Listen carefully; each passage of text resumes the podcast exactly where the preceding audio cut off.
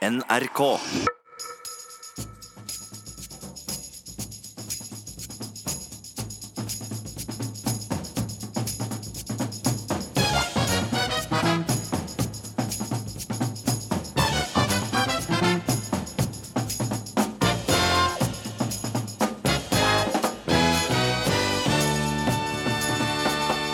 Tidligere polititopp Eirik Jensen sier han er klar for fem nye måneder i retten. Men hvordan er det for jurymedlemmene? En utrolig stor påkjenning, sier en av dem som ble kalt inn for å dømme i Nokas-saken. Redningsetatene må jage bort skuelystne som tar bilder av folk som sitter fastklemt etter bilulykker.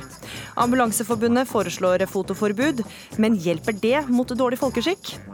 Og tidligere kinosjef i Oslo, Ingeborg Moreus Hansen, var en av dem som var imot at kronprins Harald skulle få gifte seg med Sonja Haraldsen i 1968. Nå angrer hun. Og så ber jeg da etter disse årene om unnskyldning. Jeg har tatt feil. Hun er en helt unik dronning. Ja, du hører på Ukeslutt i NRK P1 og P2, og det må du fortsette med. Jeg heter Gry Veiby og skal følge deg den neste timen, der vi også skal få svar på hvor god den nye landbruksministeren er til å jobbe på gård. Jeg vet at, eh, at Bård kommer til å bringe humør, eh, glede inn i regjeringens arbeid. Og du tar fatt på et område hvor det å skape gode samarbeidsforhold, det å skape en utvikling for både landbruksnæringen og for matnæringen i Norge er utrolig viktig. Men jeg ønsker deg hjertelig velkommen. Ja, Nok en gang måtte statsminister Erna Solberg ønske en Frp-politiker velkommen som ny minister. Og denne gangen var en av dem deg, Bård Hoksrud. Gratulerer som nyslått landbruksminister. Jo, tusen takk for det. Du har tidligere vært statssekretær i Samferdselsdepartementet. Var det en liten del av deg som eh, ønska at du våkna opp som samferdselsminister i dag? ja, jeg, jeg syns dette er utrolig spennende å få lov å jobbe med. og det er jo sånn at Landbruket også har noen utfordringer på infrastruktursida, så jeg kommer sikkert til å prate med samferdselsministeren om, eh, om, det også. ja, En av dem du kommer til å møte oftest i debatter som eh, ny minister, er eh, Senterpartileder Trygve Slagsvold Vedum. Han har sendt deg følgende hilsen. Ja, statsråd Hoksrud, gratulerer så mye. Jeg gleder meg til å møte deg i harde debatter, men også med et lunt smil. Og så vil jeg tro da, at etter hvert ser at Senterpartiets argumenter om at det er lurt å ha et tollvern i Norge, at det er lurt å ha landbruk fra Finnmark i nord til Agder i sør, at det er lurt å ta vare på matjorda, at det kommer til å nikke anerkjennende til og si ja, jeg ser det, Trygve. Jeg er jo ikke helt sikker at vi kommer til å bli enige om alt. da, At du blir helt overbevist om alle Senterpartiets standpunkter. Men lykke til! Og mitt råd er at du må være deg sjøl, Bård. Og så skal du lytte. Bruke øra, ikke bare munnen. For det er så mye flinke folk i den næringa. Så lytt og se var deg sjøl i bunnen. Gratulerer så mye som statsråd. Ja, Bård Hoksrud, hva syns du om rådene? Jeg syns det var masse hyggelig her. Og så mener jeg absolutt at vi har, eh, denne regjeringa satser på landbruket. At det skal være et landbruk i hele landet. Det er vi kjempeopptatt av. Eh, og det er viktig. Og jeg gleder meg til å reise rundt, eh, også som Trygve sier, å reise rundt og treffe alle de flinke menneskene som jobber i denne næringa. Eh, og som er veldig opptatt av næringa si, som er tydelige på ting de er opptatt av også. Det syns jeg er kjempebra. Jeg gleder meg veldig til å ut og, og møte, møte, mange av de som jobber med dette her over hele landet. Men, men, men Bård Hoksrud, vi har jo hørt deg snakke mye om bompenger, vi har hørt deg snakke mye om eldreomsorg, vi har hørt deg snakke om sukkeravgiften. Hvor mye vet du egentlig om norsk landbruk? Det er sånn at eh, Jeg tror at det som kanskje er min styrke, er at eh, selvfølgelig i Telemark og i Bamble, hvor vi har et kjempeaktivt eh, bondelag, så har jeg fått kjeft og jeg har fått masse morsomme samtaler. I Telemark så har jeg vært rundt med Bondelaget, fordi de er også flinke før alle valgkampene og inviterer stortingsbenken og, og, og kandidatene rundt på tur i Telemark for å lære om landbruket. Og det er fantastisk flotte arenaer hvor man får mye god kunnskap. Eh, men du har ikke jobba så mye i landbruket sjøl? Jeg, jeg, har ikke jobba mye i landbruket sjøl, det har jeg ikke. Men, men, jeg tror også det å ha med en politiker som har lang erfaring i politikken, eh, og som har drevet med dette, og driver på alle nivåer, tror jeg kan være veldig bra for, for næringa. Og jeg ønsker å være en god landbruks- og, og matminister. Og alle vet at jeg, at jeg, ser at jeg er glad i mat, men eh, jeg syns også det andre er kjempeviktig, så jeg gleder meg veldig. Som vi hørte i hilsen her, så sier Vedum at han håper på debatt med et lunt smil. Du er jo kjent for å være en mann med godt humør, noe også statsminister eh, Solberg bemerka i går. For hun mener at du da vil bringe humor og glede inn i regjeringa. Er det noe som gjør deg sur? Kan du avsløre det for oss nå? Det var å avsløre hva som gjør meg sur. Det, det hender vel kanskje at på ungene at jeg av og til kan bli litt morsk, da. Men, eh, men, sånn er det vel. Sånn skal vel foreldre være og pappaer være. Men eh, det skal veldig mye til, og det er jeg veldig glad for. og Trygve også er jo en, en, veldig positiv person, så jeg gleda meg til mange harde og tøffe debatter, men også med humor og litt morsom og snertig. Mm. Du sier at du ikke har så mye erfaring fra landbruket, derfor har vi i Ukeslutt forbarma seg over deg. For det lytteren ikke vet, er at du nemlig er på Kongsgården i Oslo, der du i løpet av eh, neste time skal få en liten omvisning.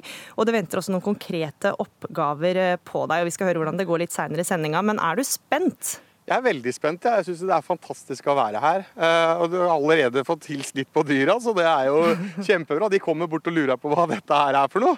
Så, så det er kjempe, kjempemorsomt. Men jeg er jo selvfølgelig veldig spent da, når dere skal utfordre meg litt her.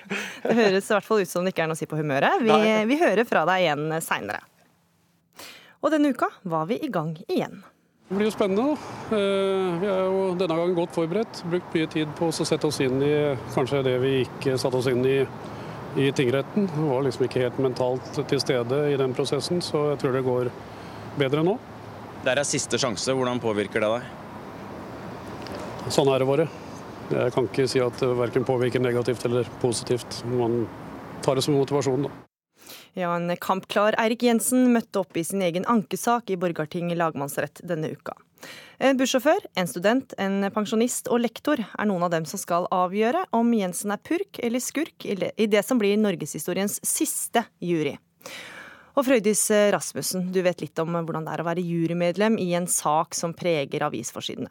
For en sommerdag i juni 2006 dumpa et brev ned i postkassa di som endra hvordan resten av året ble. Kan ikke du fortelle om det? Jo, det kan jeg. Eh, det var litt på våren. Eh, jeg holdt på å avslutte bacheloroppgaver. Og så satt jeg ut forbi og jobba med den. Det var fint vær. Og så så jeg postbilen kom. Og så tenkte jeg ja, jeg får gå en tur og se i postkassen. Og der kom det et brev eh, så der sto Gulating lagmannsrett på. Og det kjente jeg godt til, for jeg hadde vært med i retten i mange år. Så tenkte jeg at ja, ja, da får jeg håpe at det blir etter jeg er ferdig med skolen og dette. Og så gikk jeg tilbake, fant meg kaffe og begynte å åpne brevet. Og idet jeg begynner å ta ut arket, så ser jeg det bare David Alexander Toska, Schumann. Og så bare stappet jeg brevet opp igjen, og så tenkte jeg er det mulig? Ja, for du ble altså kalt inn som jurymedlem i Nokas-saken. Og hvordan påvirka det livet ditt det året? Eh, da Jeg bor jo på ei øy, så jeg måtte da pendle til Stavanger i, i seks måneder. Eh, og da måtte jeg jo bare ha permisjon på jobb. Jeg måtte eh, flytte inn på hotell i seks måneder fra familie. Jeg var akkurat blitt bestemor en måned før. Og da måtte jeg bare pakke kofferten, reise hver uke og bli ukependler. Mm. Mange vil kanskje tenke sånn, kunne du ikke bare prøvd å komme deg unna og ikke, ikke være med på dette her? Det vil de, og det tenkte jeg òg mange ganger. Og når vi satt og skulle bli veltet ut, så er det jo nok Det er alltid mange som blir kalt inn, og så er det noe som de kaller for de skyter de ut. Mm. Så jeg håpte jo i hjertet mitt at jeg håper jeg blir skutt ut og kan reise hjem igjen og fortsette med mine vante ting. Mm. Men det gjorde jeg ikke. Mm. Nokas-saken fikk jo massiv medieoppmerksomhet i likhet med Eirik Jensen-saken. Hvordan merka du det? Du merker jeg, jeg, jeg, var nok en av heldige som var i Stavanger i veken og var bare opptatt med å være i rettslokalet og så gå tilbake for å sove. Men det er klart, når jeg kom hjem til Karmøyner, eh, så hadde jo folk fått med seg dette. og du, hvis du skrudde på fjernsynet, så var det jo det som prega hverdagen. Skrudde du på radio, så var det jo det det dreide seg om. Var jeg i taxien på vei til rettslokalet, så var det jo det de snakket om i radioen hvordan, i taxien. Hvordan var det da å aldri kunne snakke med noen andre om det som var jobben din? Nei, det, det, det, ble, det ble, bare så. Jeg tror folk forsto at uh, vi kan ikke spørre Frøyde som noe som helst om det. Så, så jeg, jeg syns ikke det var vanskelig, altså. Mm. Ja, Dere var sammen i et halvt år dere i Nokas-juryen. Hvor godt kjent ble dere? Oh, vi ble godt kjent. Det var inn på det lokalet. Vi hadde eget rom da, som vi var i den tida. For vi, den rettssaken var jo flyttet ut til Sola, så det var jo i et svært bedehus dette foregikk. Så vi møtte opp der hver mandag morgen og samles og hadde lunsjen. Vi var på det rommet hele tida. Så vi ble veldig godt kjente. Mm. Vi har også med oss jurist og kommentator i Bergens Tidende, Eirin Eikefjord. Eirik Jensen er altså dømt til lovens strengeste straff i tingretten. og Det har blitt skrevet side opp og side ned, det er skrevet flere bøker om saken, det er laga masse radio og også en podkast. Hva tror du alle medieoppmerksomheten i forrige runde kan ha å si for jobben juryen nå skal gjøre? Eh, det skal jo ikke ha noe å si, for de får jo nøye instruks om å kun forholde seg til det som kommer fram i denne rettsrunden. Men det er jo selvfølgelig helt umulig, fordi alle har jo på et eller annet vis fått med seg noe om denne saken i forkant. Og det er jo en sak som fascinerer alle, og har fått enorm nasjonal oppmerksomhet. Så det er jo helt umulig å ikke ha tenkt noen tanker rundt skyldspørsmålet i den saken fra før. Mm. Du fulgte også saken da den gikk i tingretten.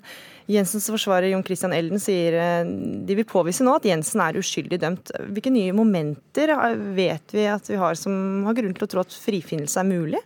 Det er veldig interessant hva det er som faktisk kommer opp eh, til slutt. Men de snakker jo veldig mye om dette hemmelige prosjektet. Og Det var jo framme i tingretten òg, men man fikk ikke gått inn i det i så stor grad. Men nå har man jo faktisk fått eh, godkjent at det er store deler av forklaringen hans som skal gå for lukka dører. Eh, pressen får ikke være til stede. Eh, og Da får man jo òg et skjevt bilde av hva som eh, kommer fram her. Så det, For oss er jo det helt umulig å ettergå om hva som kommer fram i disse lukka rettsmøtene. Mm. Det er kanskje litt vanskelig å si, men er det en fordel eller er det en ulempe for Eirik Jensen at saken går for en jury? De sier jo at det er en fordel, og det, det er jo sånn som eh, forsvarer eh, tror på.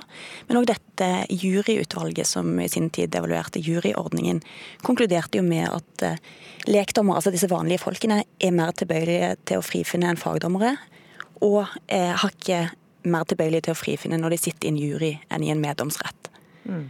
Og Det er jo helt, egentlig nokså umulig å drive forskning på, fordi at det som skjer i juryen foregår bak lukka dører, ingen har tilgang. Man får ikke en begrunnelse for eh, eh, hvorfor de sier ja eller nei til skyldspørsmålet. Men det er i hvert fall det man antar. Mm. Rasmussen, denne saken her så er det altså norgeshistoriens siste jury. Kan du si noe om hvilken oppgave eller ansvar de nå står overfor? Ja, det, jeg vil jo si at det, det er jo store ansvar. Det, det må jeg bare si. Det jeg står overfor. Mm. Mm. Og i din sak så er jo nå flere av de Nokas-dømte er jo ferdigsona. Er du noen gang redd for å møte dem igjen, du som satt så tett på dem gjennom hele rettssaken?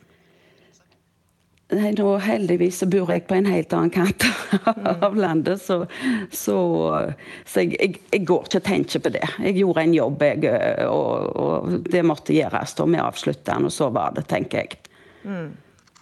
Tusen takk eh, til eh, deg, Frøydis eh, Rasmussen, tidligere jurymedlem i Nokas-rettssaken. Takk også til deg, Eirin Eikefjord, jurist og kommentator i Bergens Tidende. Ankesaken og juryen skal altså etter planen være ferdig 1.2 neste år. Så spør jeg deg, kronprins Harald. Vil du ha Sonja Haraldsson, Haraldsson som hos deg står, til din ekte hustru? Ja. Likeså spør jeg deg, Sonja Haraldsen. Vil du ha kronprins Harald som hos deg står til din ektemann? Denne uka er det 50 år siden kong Harald endelig fikk sin frøken Sonja Haraldsen. Ni år tok det å overvinne skeptikerne som frykta en borgerlig dronning ville velte monarkiet. Nå følger en av dem som var åpent kritisk, for å komme med en unnskyldning. Og så ber jeg da etter disse årene om unnskyldning. Jeg har tatt feil sier tidligere kinodirektør i Oslo, Ingeborg Moreus Hansen. Vi har i denne gullbryllupsuka til kongeparet hørt mye om de ni årene de to måtte vente på hverandre.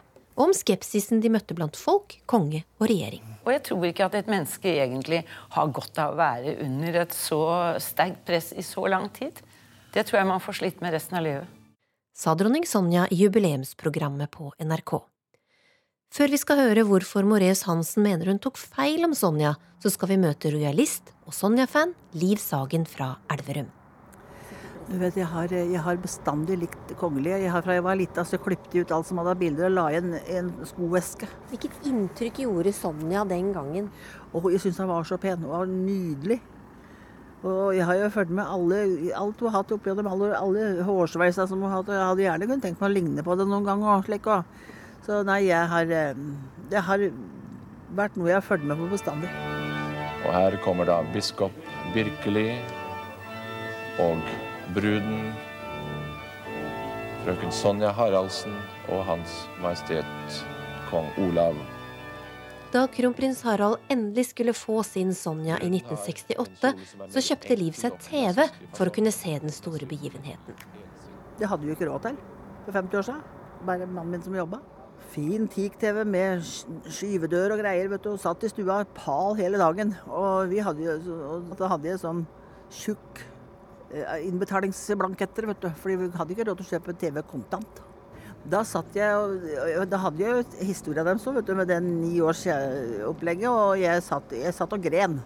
Jeg syns det var så flott. Altså, det var jo en annen tid den gangen for 50 år siden, men husker du hva du tenkte om det? At hun var borgerlig og han var kongelig?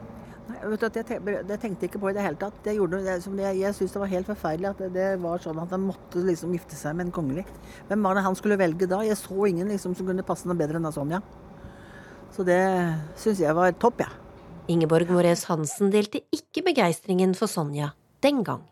Det er jo flaut å si det, men altså jeg var av de som i, for 50 pluss 9 år siden var skeptiske. Jeg var jo ikke alene om det. Og vi visste jo ikke hvem hun var. Og hadde hun ennå vært liksom en sånn Toppen Beck, herskapelig flott eh, storgårdskvinne. Men det var hun jo ikke. Og ikke var hun forsker og forfatter. Og sånn at der tenkte man hun var en kjøpmannsdatter på vinneren. Så det var det. Så da var jeg også skeptisk. Men, hva, hva, hva, var du redd for den gangen? Nei, altså redd for Vi var jo ikke vant til at et kongehus skulle få borgerlige Eh, og, og, det er klart at det er jo prinsipielt og på alle måter et, et vanskelig spørsmål hvordan en konstitusjon som skal være kongedømme, kan ha fullt av ikke-kongelige. Og det var jo grunnen til at det ble ni år for dem å vente. Mine kjære, la oss elske hverandre, for kjærligheten er fra Gud. Onsdag feiret kongeparet gullbryllup med gudstjeneste i Oslo domkirke, hvor blant andre barnebarnet prinsesse Ingrid Alexandra leste. Denne gangen kunne Liv Sagen følge begivenheten på nært hold som en av de inviterte fra folket. Jeg satt sånn, jeg satt faktisk like under prekestolen i kirka der, så jeg så rett på Mette-Marit. Og rett på de kongelige, unntatt at jeg måtte liksom lene meg litt under for å se sånn. Ellers så så jeg rett på de kongelige. Jeg satt liksom rett overfra Erna som hun satt på første benk. Så jeg satt veldig fint. Du smiler fortsatt? Ja, jeg smiler fortsatt. Jeg kommer til å smile lenge ennå. og det er ikke lenger noen skepsis å spore hos Ingeborg Moreus Hansen. Jeg beundrer henne grenseløst. Jeg syns hun er så flott. Og hva hun har gjort. Og jeg vet ikke om noen kvinner som er så norsk. Hun er jo så norsk. Det er jo ikke den fjelltopp, og ikke den sti, og ikke den skau, og ikke den gård, og ikke den by, og ikke den bygd. Samtidig som hun er, snakker fransk og er europeer og internasjonal og global, så er hun også den norskeste man kan tenke seg. Det, det, det er en veldig flott kvinne som jeg må bare be om unnskyldning for at jeg tok sånn feil, altså. Og reporter i denne saken var Linn Beate Gabrielsen. Og vi skal tilbake til Bygdøy Kongsgård, for sammen med Bård Hoksrud er du reporter Leila Feratovic. Hva har dere gjort så langt? Eh, vi har fått en omvisning på den nydelige, store kongsgården her. Og de kuene har stelt seg i kø rett og slett for å møte den nye sjefen sin, Bård Hoksrud. Og med oss på denne lille turneen eh, har vi med oss gårdsforvalter Jan Tore Sørdal. Nå har vi fått en ny landbruksminister. Har du noen oppfordringer til ham? Ja, Det er jo spennende med ny, ny minister, og det må jo være å, å være minister for hele landbruket og hele Norge. Den viktigste jobben i Norge er jo å produsere mat. Du har jo nå sett eh, Bård Hoksrud hilse på noen kyr. Hvordan syns du han har klart seg på gården så langt? Ja, Ganske bra dyretekke, det må jeg si. Det var jo, var jo en stor tilstrømning av kuer her som skulle si hei, så jeg tror dette går bra, ja. Og Bård Hoksrud har en gang uttalt at han eh, kun spiser eh, mat som vokser over bakken. Hva ja. Nei, det vet jeg ikke om jeg tror den helt på. For eh, det er veldig mye godt som vokser på bakken og under bakken også. Så det Ja, ja. Det, uansett så får vi se om vi får gjort noe med det, da, hvis det er tilfellet. Eh, Har du spist noen gulrøtter i det siste, eller skal du begynne med det nå som landbruksminister? Nei, Jeg har ikke gjort det nå, men det er fordi at jeg siden 31. mai har holdt på å prøve å gå ned noen kilo. Men, og da har ikke det vært en del av kostholdet, men eh, nå skal jeg snart tilbake og spise flere typer eh, mat. Og, men det, fordelen er at jeg har spist masse kjøtt, jeg har spist masse kylling og jeg har spist mye, mye salater og andre ting som er veldig bra å spise. Så jeg tror dette kommer til å gå veldig bra, altså. Nettopp. Og vi har jo nå gått litt rundt på denne gården, og etterpå skal du prøve deg på kulokk. Har du gjort det tidligere? Nei, det har jeg ikke, og egentlig så tror jeg det kommer til å gå dårlig. Eh, fordi at eh, en gang prøvde jeg å skulle synge, og da sa Per Sandberg at det der skal ikke du holde på med.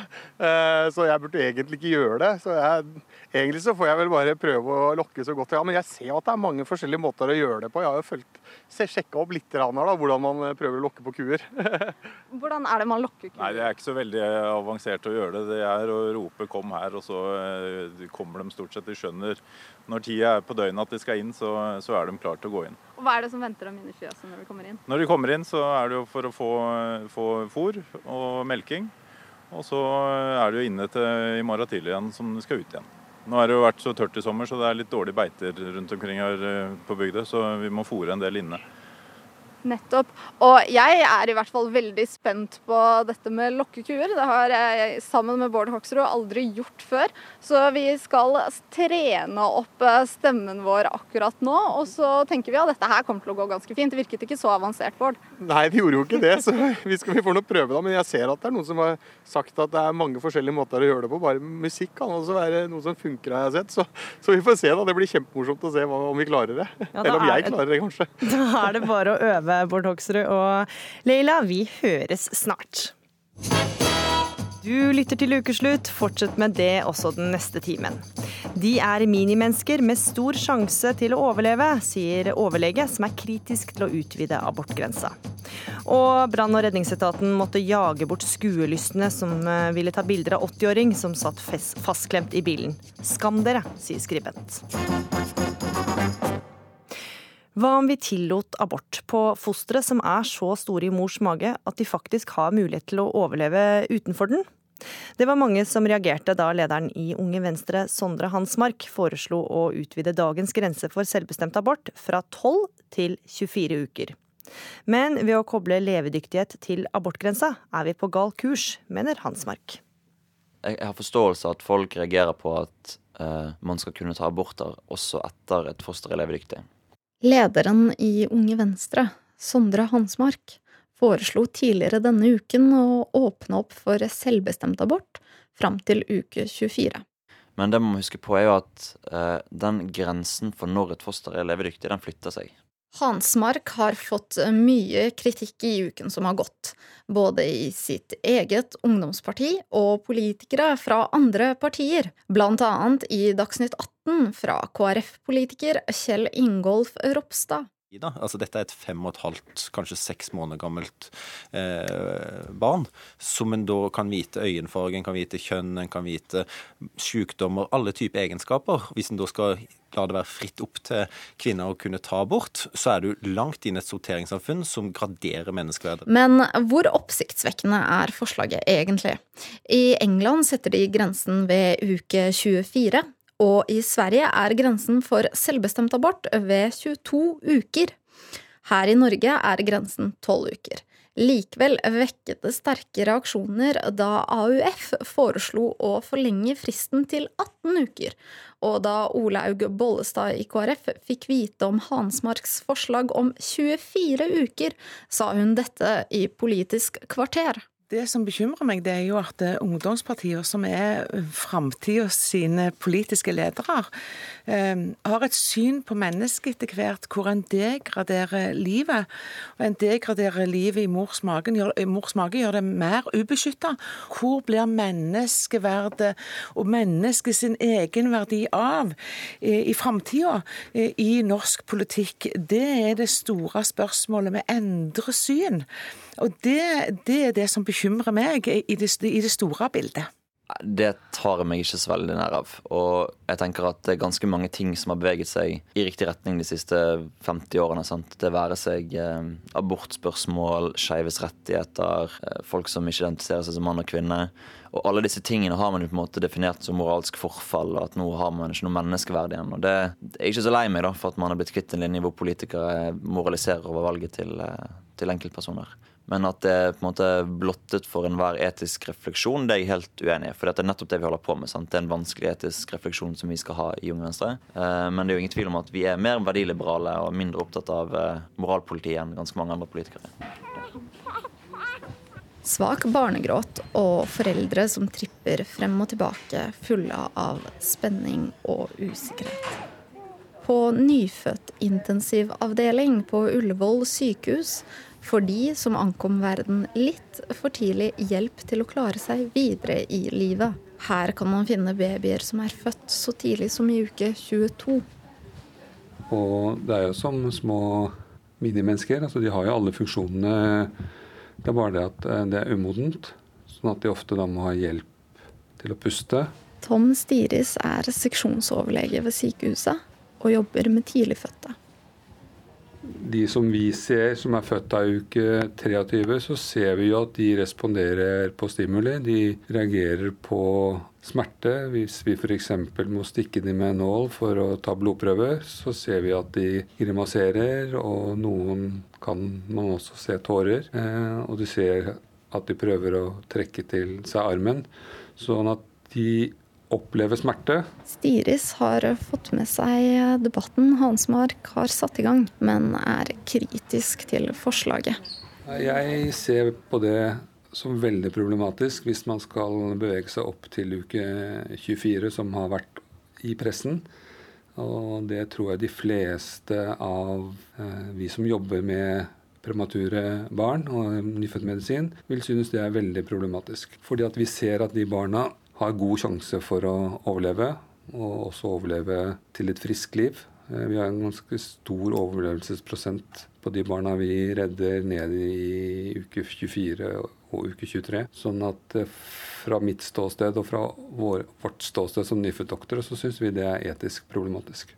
Hansmark mener eh, derimot at man må se på problemstillingen på en litt annen måte.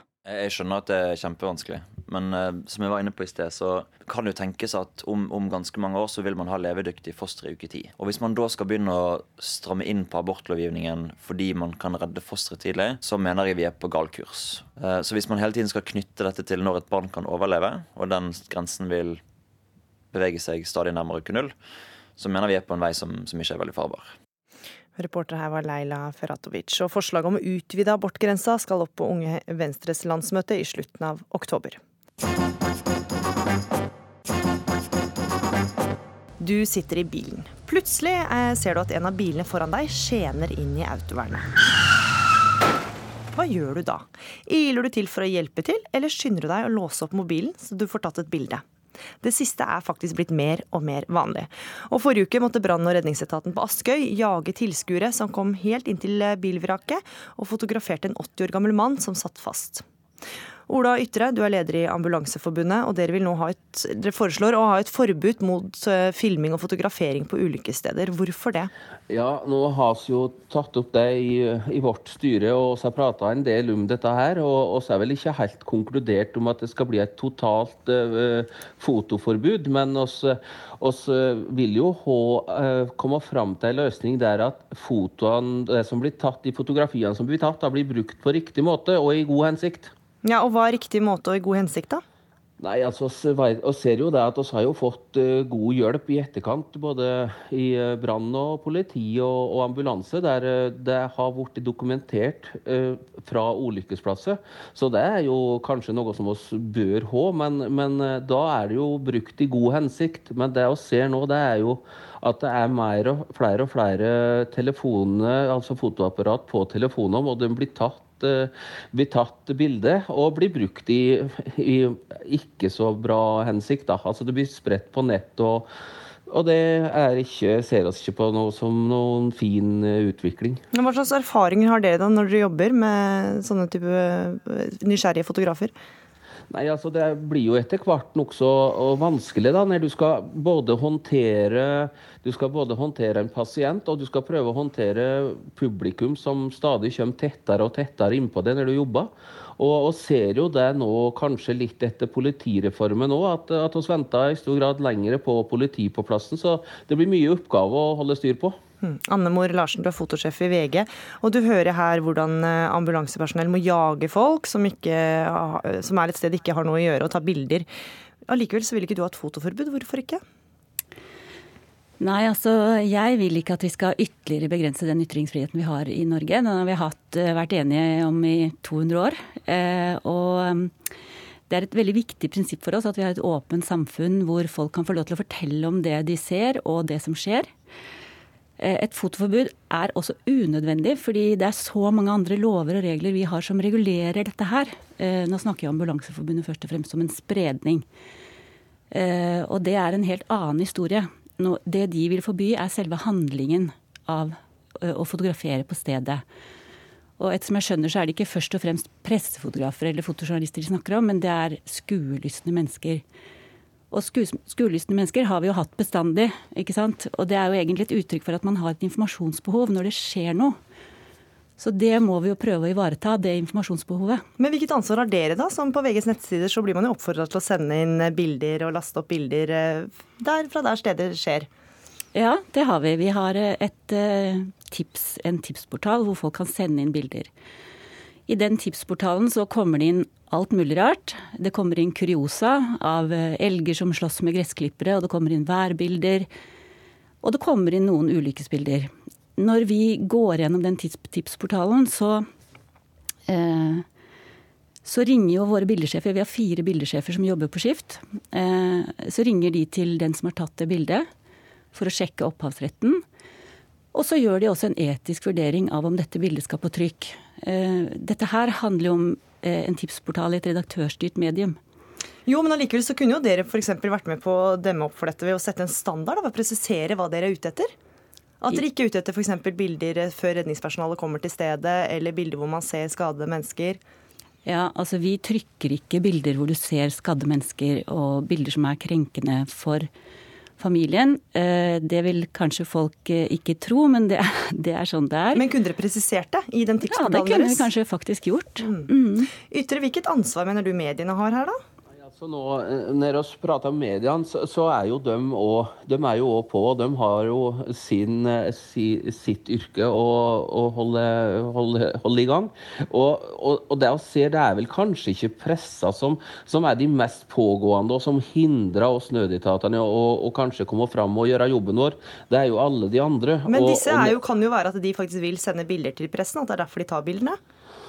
Ja, det kan hende det. Altså, jeg, jeg vet ikke om det er, der, uh, om det er det, der, det ligger. Det kan jeg ikke si. Men jeg vet jo det at det blir tatt bilde, og, og i, i, etterkant da har blitt sendt til pårørende òg. Og, og, da begynner det å bli litt slik altså, før pårørende i det hele tatt får eh, visst noe om omfanget på, på situasjonen. Og det er jo der, og at det blir sendt imellom ja, fra telefon til telefon. Det er liksom det, Jeg har ikke helt forståelsen for hvorfor dette her skal være så um, Jeg vet ikke eller jeg vet ikke hvilket ord jeg skal bruke på det. Men, eh, men, det jeg ser, er jo det at det blir mer og mer av det. Og jeg kan jo um, bare ta en episode her. Eh, forrige uke så gikk jeg med en tur i Oslos gater. og og så en person som lå nede, og det var ambulansepersonell på plassen der som skulle hjelpe denne fyren. Og jeg, så, jeg ble virkelig stående og se på alle de bildene som ble tatt. Det var åpenlyste bilder. Folk gikk med telefonen langs med sida og klikka bilder. Det var, det var helt, jeg ble helt uh, matt da jeg sto og så på alt det der. Mm. Og En som også har latt seg provosere, er deg, Ronja Winning. Du er skoleassistent og skriver fast i Drammens Tidende. Du ble så opprørt av det som skjedde i Hordaland at du skrev et innlegg med tittelen 'Skam deg'. Hvem er det, skam dere. Hvem er det som bør skamme seg? Jeg syns man bør eh, tenke over hva man gjør i de situasjonene når man ser mennesker som trenger hjelp.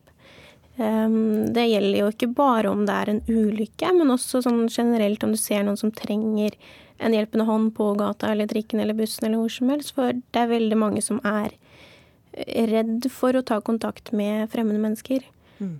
Og Du beskriver også en episode fra T-banestasjonen på Majorstad for noen år siden, hvor du hjalp en mann som lå på kanten av perrongen, nærmest sporet. Hva var det som skjedde? Jeg kom ned til eh, T-banestasjonen. eh, Så en mann ligge der på bakken, og så mange mennesker som sto rundt. Det her er ti år siden, så det var ikke mange som hadde iPhone den gangen, men de sto og tok bilder vanlige med mess. Um, og det var mange, både ungdom og eldre, som sto der og så på. Ingen som gjorde noe som helst, så jeg løp bort fordi jeg var redd for at han skulle falle ned i sporet. Uh, til slutt så klarte jeg å få han opp på benken, og da vi to satt oss på benken, så fortalte han meg at han hadde vært nede på skinnene, og at han akkurat hadde klart å komme seg opp. Um, og han var ikke Altså, jeg vet ikke om han var eh, hva som hadde skjedd, men han eh, klarte i hvert fall å forklare meg at han hadde vondt i hånda og vondt i hodet. Og da jeg så opp, så så jeg jo at det var kutt som gjorde at det rant blod fra pannen og i hendene. Og rundt så sto det folk som hadde tatt bilder? Det sto folk som tok bilder, og det stod, var veldig mange mennesker der som ikke gjorde noe som helst, som sto og så på. Ytre, hva er din forklaring på at folk eh, tar bilder istedenfor å hjelpe? Nei, du, det har jeg ikke så voldsomt god eh, forklaring på, men, men det har jo vært sånn eh, som hun fra VG sier, og at det har jo vært sånn gjennom all sin tid at folk har vært nysgjerrige og vil, vil fram og se hva som skjer. Og, men det som er forskjellen nå, er jo det at det er et fotoapparat i hver lomme. og, og og det vi på en måte vil til livs, da, det er at, at det blir, altså vi må få, få til en slags ordning sånn at det her blir brukt, blir brukt på en positiv setting. Da. Altså ja, å bidra til å oppklare ting og, og, som er uklare. Og at, at, oss må, må få reglement hvis som det at vi ser at eh, la, la oss si ei ulykke langs med veien der, der det blir eh, der det kommer en som stopper bilen, ut av bilen, tar bilde, og det begynner å danne seg en kø. Dette i, ute på ja, forskjellige plasser i distriktene, men også i byer, så vil jo dette her sperre veien, og dette vil hindre nødetatene i å komme seg fram. Og her, i slike situasjoner, må vi få en type reaksjon. Men kan man regulere folkeskikk? For det høres ut som det bare er dårlig folkeskikk, dette her. Ja, det var et godt spørsmål, men eh, jo, det må vel være lov å tenke det. Men det er liksom baklengs, fordi alle har en mobiltelefon nå. Og du har så mange andre lover og eh, regler du, som du kan bruke for å, å, sende folk av gårde, eller å hindre at de ødelegger for dere på åstedet. Sånn at eh, et fotoforbud, det vil egentlig bare gi alle borgere mye større begrensninger til å dokumentere sin samtid. Det er ikke sikkert det kommer til å løse problemet for deg på et ulykkessted. Og det er derfor jeg syns at dere er ute på en litt sånn farlig vei når dere tror at dere skal kunne komme trekkende med nytt, en ny lov for å, for å få bukt med noe som egentlig allerede eksisterer veldig veldig mange gode muligheter til å håndheve. Og dessuten så er det kommet en ny GDPR-lov nå, som vi er bundet av gjennom EØS, som også hin skal hindre folk i å spre privat materiale ut eh, på nettet. Sånn at det er ikke noe grunn til å ha en ny lov. Det vil bare uthule lovverket vårt, tror jeg. Ja, Ytre det er allerede ganske mange lover. Veitrafikkloven påbyr å hjelpe. Åndsverksloven forbyr å gjengi bilder offentlig uten samtykke fra den som er avbildet, med visse unntak. Hva vil dere oppnå med enda en ny lov? Nei, altså Som jeg sa innledningsvis, og som jeg bestandig har sagt uh, etter at dette her er blitt et tema nå, så har jeg vel sagt at vi har aldri vært helt klare på at vi vil ha et totalforbud mot fotografi, men at det blir regulert på en eller annen måte. Det er det vi må se på nå, sammen med flere andre. Ronja Winneng, hvilken oppfordring har du til folk som kommer over en ulykke og har lyst til å ta bilder? Jeg håper at man kan tenke litt før man knipser det bildet. Tenk at eh, den personen her trenger hjelp. Og det er veldig enkelt å få forklaring hvis man ringer 113. Snakke med personer som har peiling, og så får du vite hva du skal gjøre steg for steg. Mm. Og Det er et forslag på høring nå om å gjøre det forbudt å anskaffe, spre og etterspørre bilder som krenker privatlivets fred, som f.eks. spredning av ulykkesbilder. Og Høringsfristen er satt til 1.10. Takk for at dere var med i Ukeslutt, Ronja Rebekka Vinneng, Ola Ytre og Annemor Larsen. Og da skal vi tilbake til Bygdøy Kongsgård, der landets nye landbruksminister Bård Hoksrud skal lokke inn kuene. Og reporter Leila, hvordan går det? Altså, Nå går vi litt rundt på dette jordet, og vi har fått med oss Elise som jobber på gården her. Og hun eh, driver og plystrer og eh, sier 'kom', og eh, dere hører det kanskje ikke, men det er faktisk ikke så veldig mye som skal til for å lokke disse kuene. Bård, har du lært noe? Nei, jeg, jeg, har, eh, jeg har lært at man kan jo gjøre som Elise gjør, og lokke ordentlig på det. Men Så kommer kan du bare si, Kom her, kom her. Men det, det ser ikke ut, helt ut som de er der ennå. Kuene de er ganske stille nå, altså. Eh, Det er litt for tidlig for dem helt ennå, men vi skal få dem inn til slutt.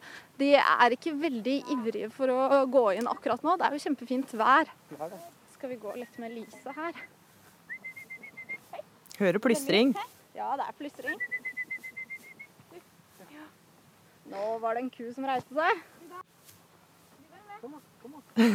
Hører Hoksrud her. Kom da. Bård, Ja, hvordan skal du plystre? kom da. Jeg plystrer, det tror jeg er dårlig. Men jeg får bare prøve med å komme her. Men jeg, ja. Nå, det... Hoksrud, hvordan syns du håndlaget ditt med kuene er, da?